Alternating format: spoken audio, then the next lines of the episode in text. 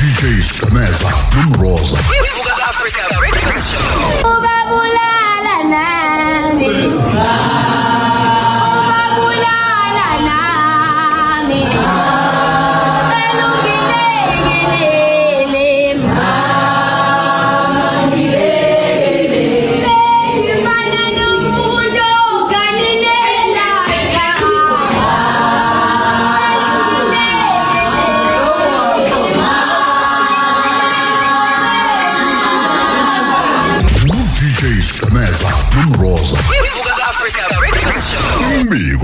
umbiko isiphakamiso imbono kanye nezethembiso okungenzeka sivele kule ngxoxo. Akuzona izokhozi FM nenhlangano yesabc ukhozi FM luhamba phambili. Ukhozi FM luhamba phambili isikhathi ke 11 minutes to 8 ishumi nanye imzuzu ngaphambi kwehora leshagalombili singena kuhlelo la sithi khona ezweni sakhile. Khona na kanjani ke umfowethu umdu bafa uyaphila kodwa? Siyaphila futhi njani hayi sengifila abantu bakho. Bekusesontweni ke lokhu phela. Cina maka umuntu lalela eradioweni uyayisho. Hayi ubaba lokho mina akayisho. Lalela masiqede akayi baba kuyakhona manje. Phone phela le battery kunayo indaba please ngicela uyisho masuqedile hey hayi ngibona iceka ikakhonzeki ifuna indaba la eh namhlanje ngisho lokho ayisho manje okay akuthi uzama isho manje phela ngoba nalapha siya record 06 Yeah. 77 Yeah. 89 Yeah. 30 82 baba mawukuthi awukho uzophinda ungene 06 ku-Facebook 77 Eh. 89 3082 ngaphinda ungena kuma-podcast ethu uzofika uyithole inamba kamntu yo nambe ngikufisa kabi ngesonto futhi kuyacabanga ngicela utho zami izolo uthi uyangithusa ebusuku. Be- besiyobona iy'puku omunye umuzi bahlushwa iy'puku kathi niyabona isigqema zabo ngane nebhayibhili abalali mfethu iy'puku zibashisa bephila. Ha. Zishaya kwasani ungene nomthandazo ngamazambane hayi akatholi i-anointing lezo Ngiya- ngiyakutshela kwazayoni kubaleka kwasani nazaretha kwasani bezothandaza. Ha. Zibashanga amazamba nangamatshe but kulungile ngoba into hayi ngithithi eh jobes tutuzo ah mreka ayoswere khona bafana khona ngabe ngobize zami. Ngifuna ngabhaketha mfethu siphethe udaba olubuhlungu namhlanje. Ngiqeda ukuzwa into eculayo lapha ingane ziyacula. Ubaba ulala nami kanjani? Ubaba walala nami ngaze ngakhulelwa sathola umntwana mina naye. Hlobo yes sami. Mfethu. Kwasiphinda lokho. Lolu daba uyalazi kasalisebenza Yeah. onjengalolu ukusho ukuthi izinto ezikhona ezweni lolu ezenzakalayo but-ke zifihliwe. But after kube khona-ke ithuleni ne- ne- ne- nezweni zakhile program bayavela abantu bayakhuluma. Sinomunye umndeni namhlanje nawo ubheke nesimo esinjengalesi indodakazi ulalo ubaba waze wathola umntwana. Okubuhlungu kakhulu i-step mother besithi ingane ayingasho because bazoboshwa sivikela indoda yazo. Indoda indoda yazi ubaba ekhaya Ukushuthi shuthi manje shuthi ingane isifana nomnakwabo step father step mother lesi Mother. okukhombisa ukuthi sine society nje egulayo. Manje bona makuboshwa lore kuyolanjwa ekhaya kube nje kube nje. Kuthiwa ngathi beseyazi lento ethule kodwa. Umuntu esifazane lalo yo. Izinto esibheke nazo ke lezweni okay. Lo esina studio umama wengane. Umama wengane uhamba nendodakazi yakhe. Nendodakazi. Yes. ake sibabingelele mlokhoze FM so bingelela ke kanjani umama wengane nondodakazi wakhe bakhona la? Sanibonani sanibingelela siqale ngosiso omncane kunjani dadewethu? Yebo ngiyaphila njani? Ngikhona. Sixoxele kancane ngifuna uqala ngawe la. Iqala kanjani le ndaba ka ka ka kababa nakho esisenze sazafika la? Eh. Waye engibize ekamereni lakhe. Athi ngize kuyena ayish bubu buneminyaka mingaki ngesikhathi ngangino 14 13 years. Okay unangaki manje? Ngina 17 Hmm? so manje kusenze manje ukuthi ukhulume ngayo lento le? Yeah kodwa singakhuluma ngayo. Okay. Ngenza nama ukuthi kunzima umama ngoba ukhona uzokwazi ukuthi athathe over ngifuna ukukukhumbuza i- izinto ezibuhlungu ezenzeka. Mawubona ukuthi kukhona lapho ehluleka khona ngizokuvumela ukuthi ungaqhubeka okay? Ewo all right awusithathe waye ngibiza athi ngize kuyena athathe iy'mpahla zami ngoba ngiyithoma athi ngeke ngiyithole ngizogqoka iketi ngenkani. Okay mawuthi uyithoma wakhiseka womfana. Ewo. okay. Ya athi angithathi athi athathe into zami. Athi mangifuna ukuthola into zami kumele ngize ngize ngizolala naye. Ha. Ukuze ngithole into zami. Izinto zeimpahla lezo? Yebo zabafana okay. Athi angigqoke iketi ngenkani. But mangifuna kumele ngize ngizolala naye.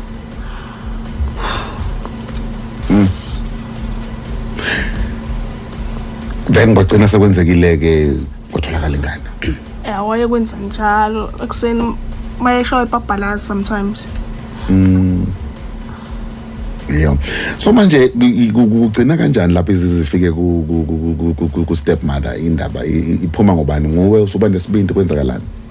Wahlangana nami ubaba egeyithini. Ethi mase ngiqeda into engiyenzayo ngize kuyena.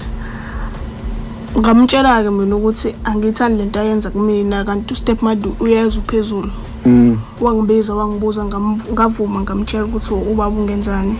Ngamtshela ukuthi ngifuna ukuyambopha wathi ngeke kukwazi ukwenza lokho cause uma ukuthi ngiyambopha kade seyiqala lento uma ukuthi ngiyambopha kumele siboshwe sobo-two usho umama lona? Eyo uy madoda.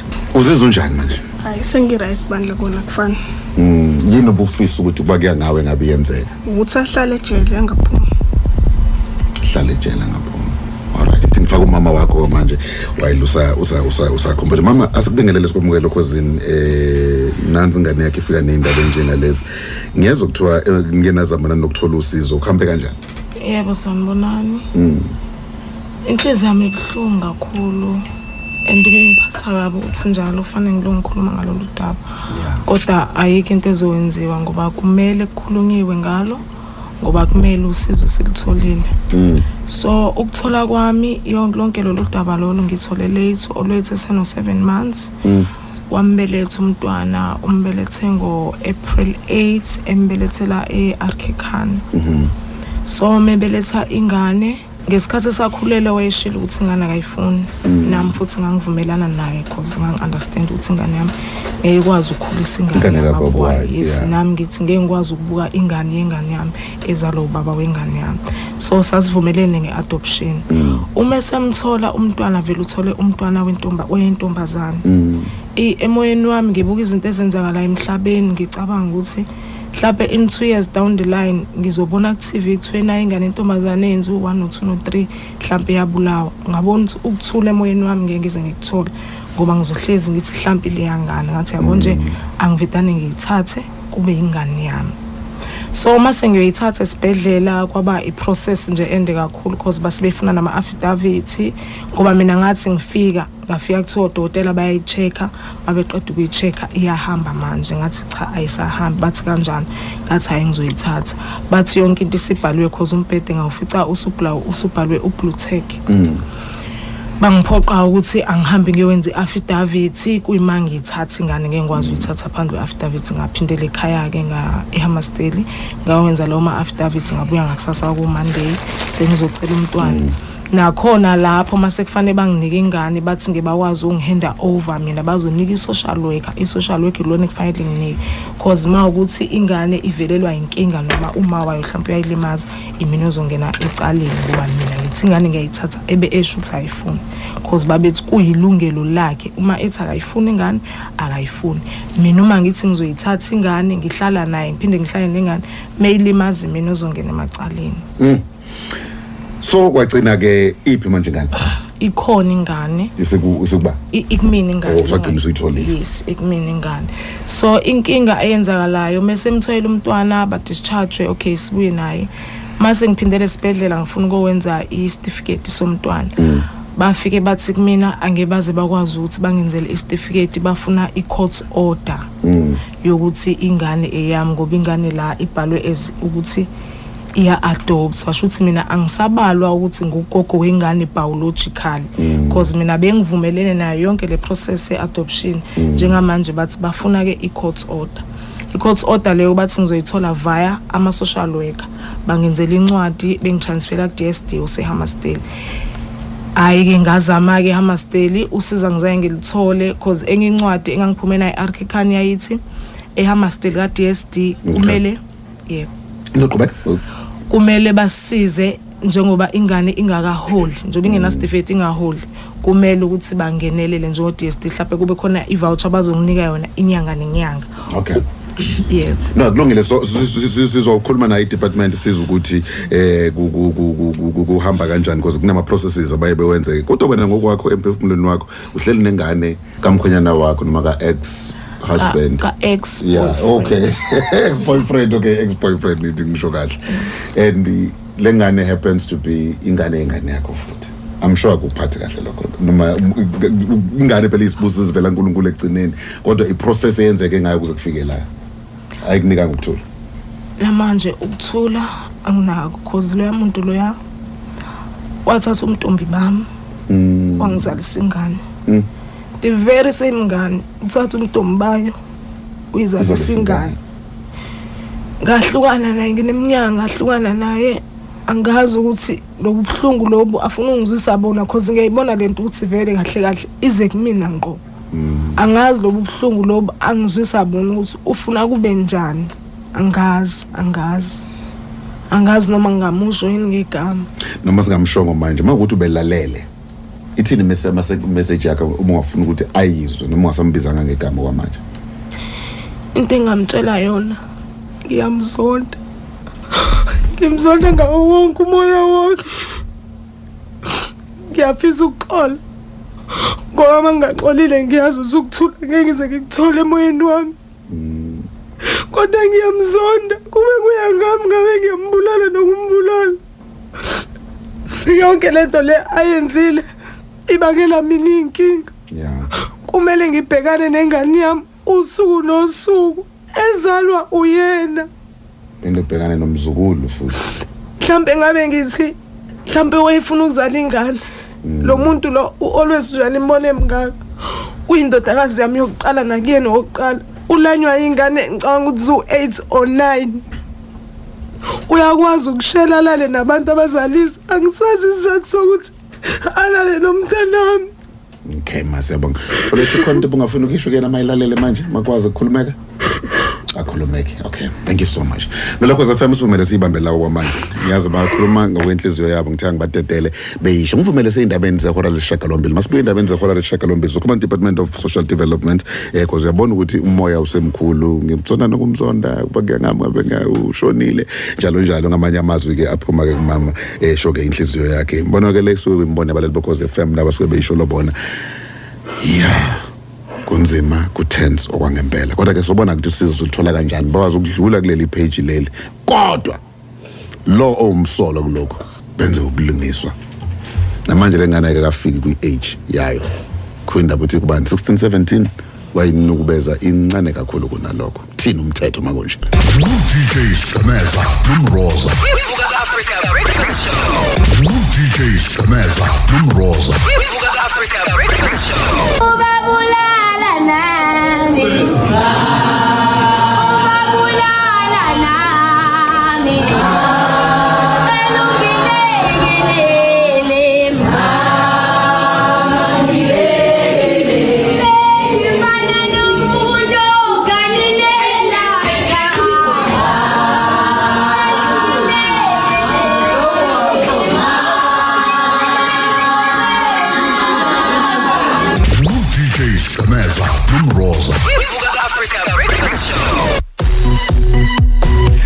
Khosi FM kuvumeleke sigedeke kwingosi yethu yesibili yalolu hla lolu daba esikhuluma ngalo namhlanje ku Khosi FM sikhuluma ngayo indaba eh yomntwana. Ngiphinde ngikukhumbuze ukuthi umuntu osa- o- sheshe azwele eh udaba koluthe kwabucanyana la eh so ya mawuzazi ukuthi ngempela ngempela ngeke ukwazi ukubamba le ndaba le. Singanxusa ukuthi le ungayikhethela ngokulalela kabili kathathu umuze ukuthi cha kuhambisana nawe ngenxa yokusaba eh bese kuyasuka ngoba ke sikhuluma ke ngabantu abakhalayo la mase kuvuke ke ama emotions eh ngenxa ke izinto ukuthi into yakho la ikakabi indala kakhulu. So ke sinenhlanhla ke ukuthi ke namaphoyisa ase kwaZulu Natal asegxume yahlala eh sinezinsizwa impela lapha e-studio manje zithi ah eh sihamba nabo manje eh khona kuyokwenziwa ke eh zokutshela kahle ukuthi yini yenzakalayo imbiko isiphakamiso imbono kanye nezethembiso okungenzeka sivele kule ngxoxo. Akuzona izokhozi FM nenhlangano yesabc ukhozi FM luhamba phambili. Cause FM luhamba phambili social uh, development. Sikhuluma ke nomfowethu umhlaba umfoka memela mfoka memela sibingelele mfowethu sikwamukele kukhozi. Mthiya siyabingelela mfowethu sibingelela nabalali bomsakazo ukhozi. mfowethu buyilalele le ndaba kamama nengane. Kuthini kinina mfowethu Mfowethu eh ibhluzi ibhlungu kakhulu lezi zigameko mthiya eh sibhekana nazo eh siwumphakathi kakhulukazi esifundazweni sakithi kwaZulu Natal.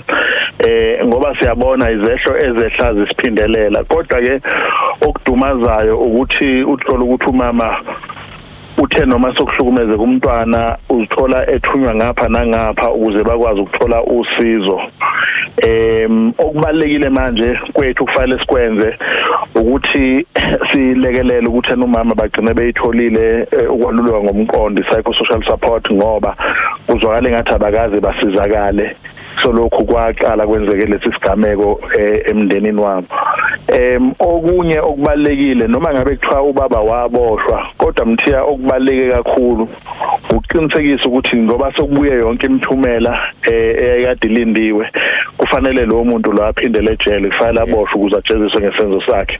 Asikwazi ukuthi sibe nabantu abanukubeza abantwana eh mase kuvele kuthuleke kanjalo. Uzokhumbula ukuthi akusilona isigameko sokuqala lesi eh khona futhi kulezi indawo lezi zako Hammersdale isigameko sesibili mangicabanga omunye umuntu wakhona ugwetshwe ngonyaka odlule nakhona udaba lakhona saselisebenza kanjena net- nethuleleni. Eh kwazi kube selifike ekugcineni la kugcine kwazi ukuthi limgwebe nakuba nakhona kuthatha isikhathi eside kodwa mase seyiphumile imiphumela ya- ya- yama yenkomba. Em ukuthi uyena ngempela owenza lesi siga lesi kufanele ngempela abhadle ejele Mm. Mhlambe futhi sesivala eh ngi- ngiyajabula ukuthi lena nizokwazi ukubasiza kuyona. Eh kul- ku- kulena ikhona into engenziwa kuze ngiyazi ukuthi abantu abaningi abayi understand vele ngicabanga ukuthi abanako ngugogo wengane ngizovele ngikwazi ukuyithatha kunemigomo neindlela okudlulwa kuzona kuqala makufika kwi issue ye adoption. Kukhona ngasizakala ngakho umama engabe lokho esehlenyuka. Mfowethu ku- kukhona ngasizakala ngakho em makuza kuma issues weadoption ukuthi ahlale nabo sonhlala kahle balandele yonke imigudu kufanele ilandelwe eh kube nayi process ezogcina ifinyelele enkantolo eh kube inkantolo ekwazi ukuthi ene nge based on the report yama social workers eh ukuthi sebeyenzile neevaluation ekhaya ukuthi umntwana nga-adoptwa ngendlela eh angakwazi ukuphila futhi kuleso simo leso. Bese ke inkantolo ikhipha isinqumo bese bese bakhona ukuthi ene bamthatha umntwana bahlale nabo. So ke ngiyafisa ukuthi ene umuntu mathole imininingwane yabo yonke sikwazi ukuyinikezela umama untombela ukuze udaba lakhona lusheshe lusukunyelwe ngoba uyena okuleyo side yanga yangase west ukuze asheshe bakwazi ukubalekelela njengoba bebhekena leninaba babhekene nayo. Kwamela mfethu sengijabulisa ukuthi lena ye counseling bani bani ngezingisi leso sishilo nizobe seniyenza. Siyabonga kakhulu mfowethu. Ngiyabonga kakhulu ukuthi sibonga nabalali bomsakazo ukhosi Sibonga kakhulu. Umhlaba memela khulumela ke social development. Ma nizongena through ngiya endabeni zezemidlalo manje. Uba u social development uthi uzonibamba ngesandla eh one ekuyokwenzeni i- i- indaba ye ye ye mm, yoku- yokululekwa ngoba ma uma kusabuya ama memories ngehlala engabuyeli enga- engabuyi ngokusheshsha okungaka because akuyo into endala and two futhi bazonibamba ngesandla ekuthenini kudlule lezo zomkantolo eh ngoba uma usu adopta akufani nalapho uthi ingane kamzukulu le njalo kantodakazi wami umzukulu wami ngiyamthatha eh mase kuyiwa ngokwenkantolo ngololu hlobo lolu lokuthatha ingane ze kuwe kunemicikilisho vele kumele kudlula yona ngokomthetho eh kuthini uphawula kwakho umuzi ukuthi awedwa khona abathi si rate ukuthi singabamba ngesandla. Ngizwa umoya wami ujabula ngiyabonga nje kakhulu kakhulu ngiyabonga. Ukuthi ukuza kwami lo khosini Yeah. ngizothola usizo. Ngibonge nakubhuti mdu ngiyabonga nje kakhulu. Ngibonge nakumuntu engathi mangimxoxela wangitshena ngithuleleni wathi ngizakuthinta ubhuti mdu ngiyabonga nje kakhulu. Ngivisa nokusho ukuthi kunzima kunje kodwa unkulunkulu ngiyambona eyidlala indima yakhe. No uzoyidlala sisengathi bengakusiza eh ngithanda ukuthi uya- uyalibala negama lakhe ngesilungu but he's a prince of peace. Uma ukuthi ukuthula ikhona okufunayo uyinkosi yokuthula uyanikana ukuthula. Sengathi ungakuthola ukuthula eh kuhamba hambe kudlule. Bazokusiza laba nangapha ngoba uyamazi kwayena umcele nje akunika ukuthula ukuthi ukuthula kwakhe kudlula ngisho ukuqonda. Abantu bemangala ukuthi uhamba kanjani ngaphandle. Kanti ngoba ukuthula kunikeze khona ukuthula okudlula ukuqonda. Eh mancane. Ngiyabona usebona leso smile ke ngiyajabula. Number 1 ayithe bengifuna ukuthi yenzeke. Elakho nje lokugcina mfowethu ukuthi ube strong kunabanye abantu abangangawe. Eh yeah man. You're a strong powerful woman. Ya sengathi ungaqhubeka kanjalo angazi uma khona ufuna ukusho senhlizweni yakho nje ongafisa ukudlulisa noma uadvise abanye abangangawe ukuthi bangathuli naphi uma kunezimo nje eh bangathuli ngoba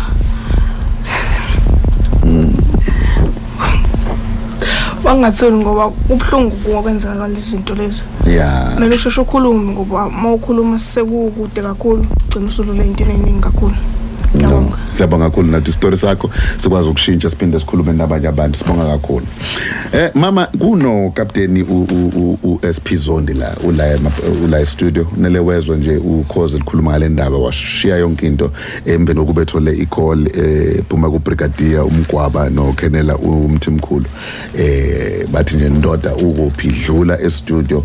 Bazonithatha behambe nani Yeah. and masikhuluma ke naye ngiyazi ukuthi kulokhu bekusho nje siyixoxela eh ngeke sakusebenzisa emoyeni eh ngoba ka bekela ukuthi akhulumele amaphoyisa. Kodwa thina sibona amacala la one elika mama lo owathi ingane inga report umama u step mother wakhe two ubaba ke ukuboshwa kwakhe makukuthi ngoba ulibo fuzo mlaleli kade sikhuluma of Elias izanga emoyeni. Lubuyile malubuya liyaveza ukuthi ingane ngeyakhe vele ubaba. Lo bekade seyiphika ubaba waboshwa wanikwa ibail yaphuma ngo4000 rand. So makukuthi usengaphandle njengamanje because asikabi nayo information ukuthi kwenzakalani. So amaphoyisa akazosiza uzondi uzosibuyela ne-report. Simdinge ngaphakathi naye. Yebo.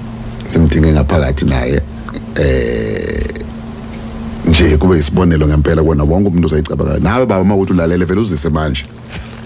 Vele uyihambise manje emaphoyiseni ngithi angikwazisa and ufuna ukubona ukuthi sikuhloniphe ngabomba ukuthi singavezi igama nesibongo sengane. Eh kodwa nje akufanele ngabe sifike nakulelo thuba lelo. So zinikele namhlanje emaphoyiseni ubatshela ukuthi ngingaphandle nge- nge- nge- nge- ngephutha. Kunokuthi umsebenzi ubenzima ningifune. Vele ingalo yomthetho into izokulanda la ukhona. Asibonge kakhulu sibonge kakhulu ku- kuSEPS waKwaZulu Natal eh Brigadier Mgwaba nawe mthimkhulu mfowethu siyabonga ngiyazi niya driver khona lapha niphikelele khona kodwa nithema nilalele nathi nje unondaba. Akadlula ababambe ngesandla bahambe nabo kuze beqede le process lena. Siyabonga kakhulu. Lokho FM sivumele sibeke la mntu mfowethu. Yeah hey kunzima kunzima mfethu kunzima. Hallo mina ngijabuliswa zimayili zabo. Yazi kanti nibahle kanje masenizimile angasakhala. Eyami indlala nike siyaphela la senginibeka ezandleni eziright njengamanje. Nami sengiqhubeka nolami uhambo baningi abantu abadinga ithuleleni um ngicabanga ukuthi ndisizakala but nje silokho sikhiphana in touch. Siyanithanda ke kodwa Siyabonga. nize nazo. Abantu ngabona ngendlela abakhala ngayo lapha belalela iy'tori zenu. Uqine nawe mama. Ngiyazi kodwa abanye abafazi oyobasisiza Yeah. uma phambili ukhuluma ukuthi kwenzeka kimi lokhu. Ngama. Uqine ncane love you sharp dog yeah You know what I mean? Yabo uzokhuluma nabantu abantu bekhuluma ngelanguage yabo. Umuntu ubangele ukuthi thini. Sokuchazela nazokuchazela isithini ngesizulu. Okay, siyabonga kakhulu lokho sefa. Bathumela sigijima sekumhlo sixole sephuli ngesikhathi sakhe. Bekade siya silivale kahle lolu again. Thank you so much social development. Thank you so much SEPS. Lo msebenzi ke sothi sibuya ne report ngokuzayo sobe sibuya nento ke ephathekayo ukuthi kwenzakaleni. Mama stepmother sisendleleni. Siyeza. DJ Skameza, Nomroza.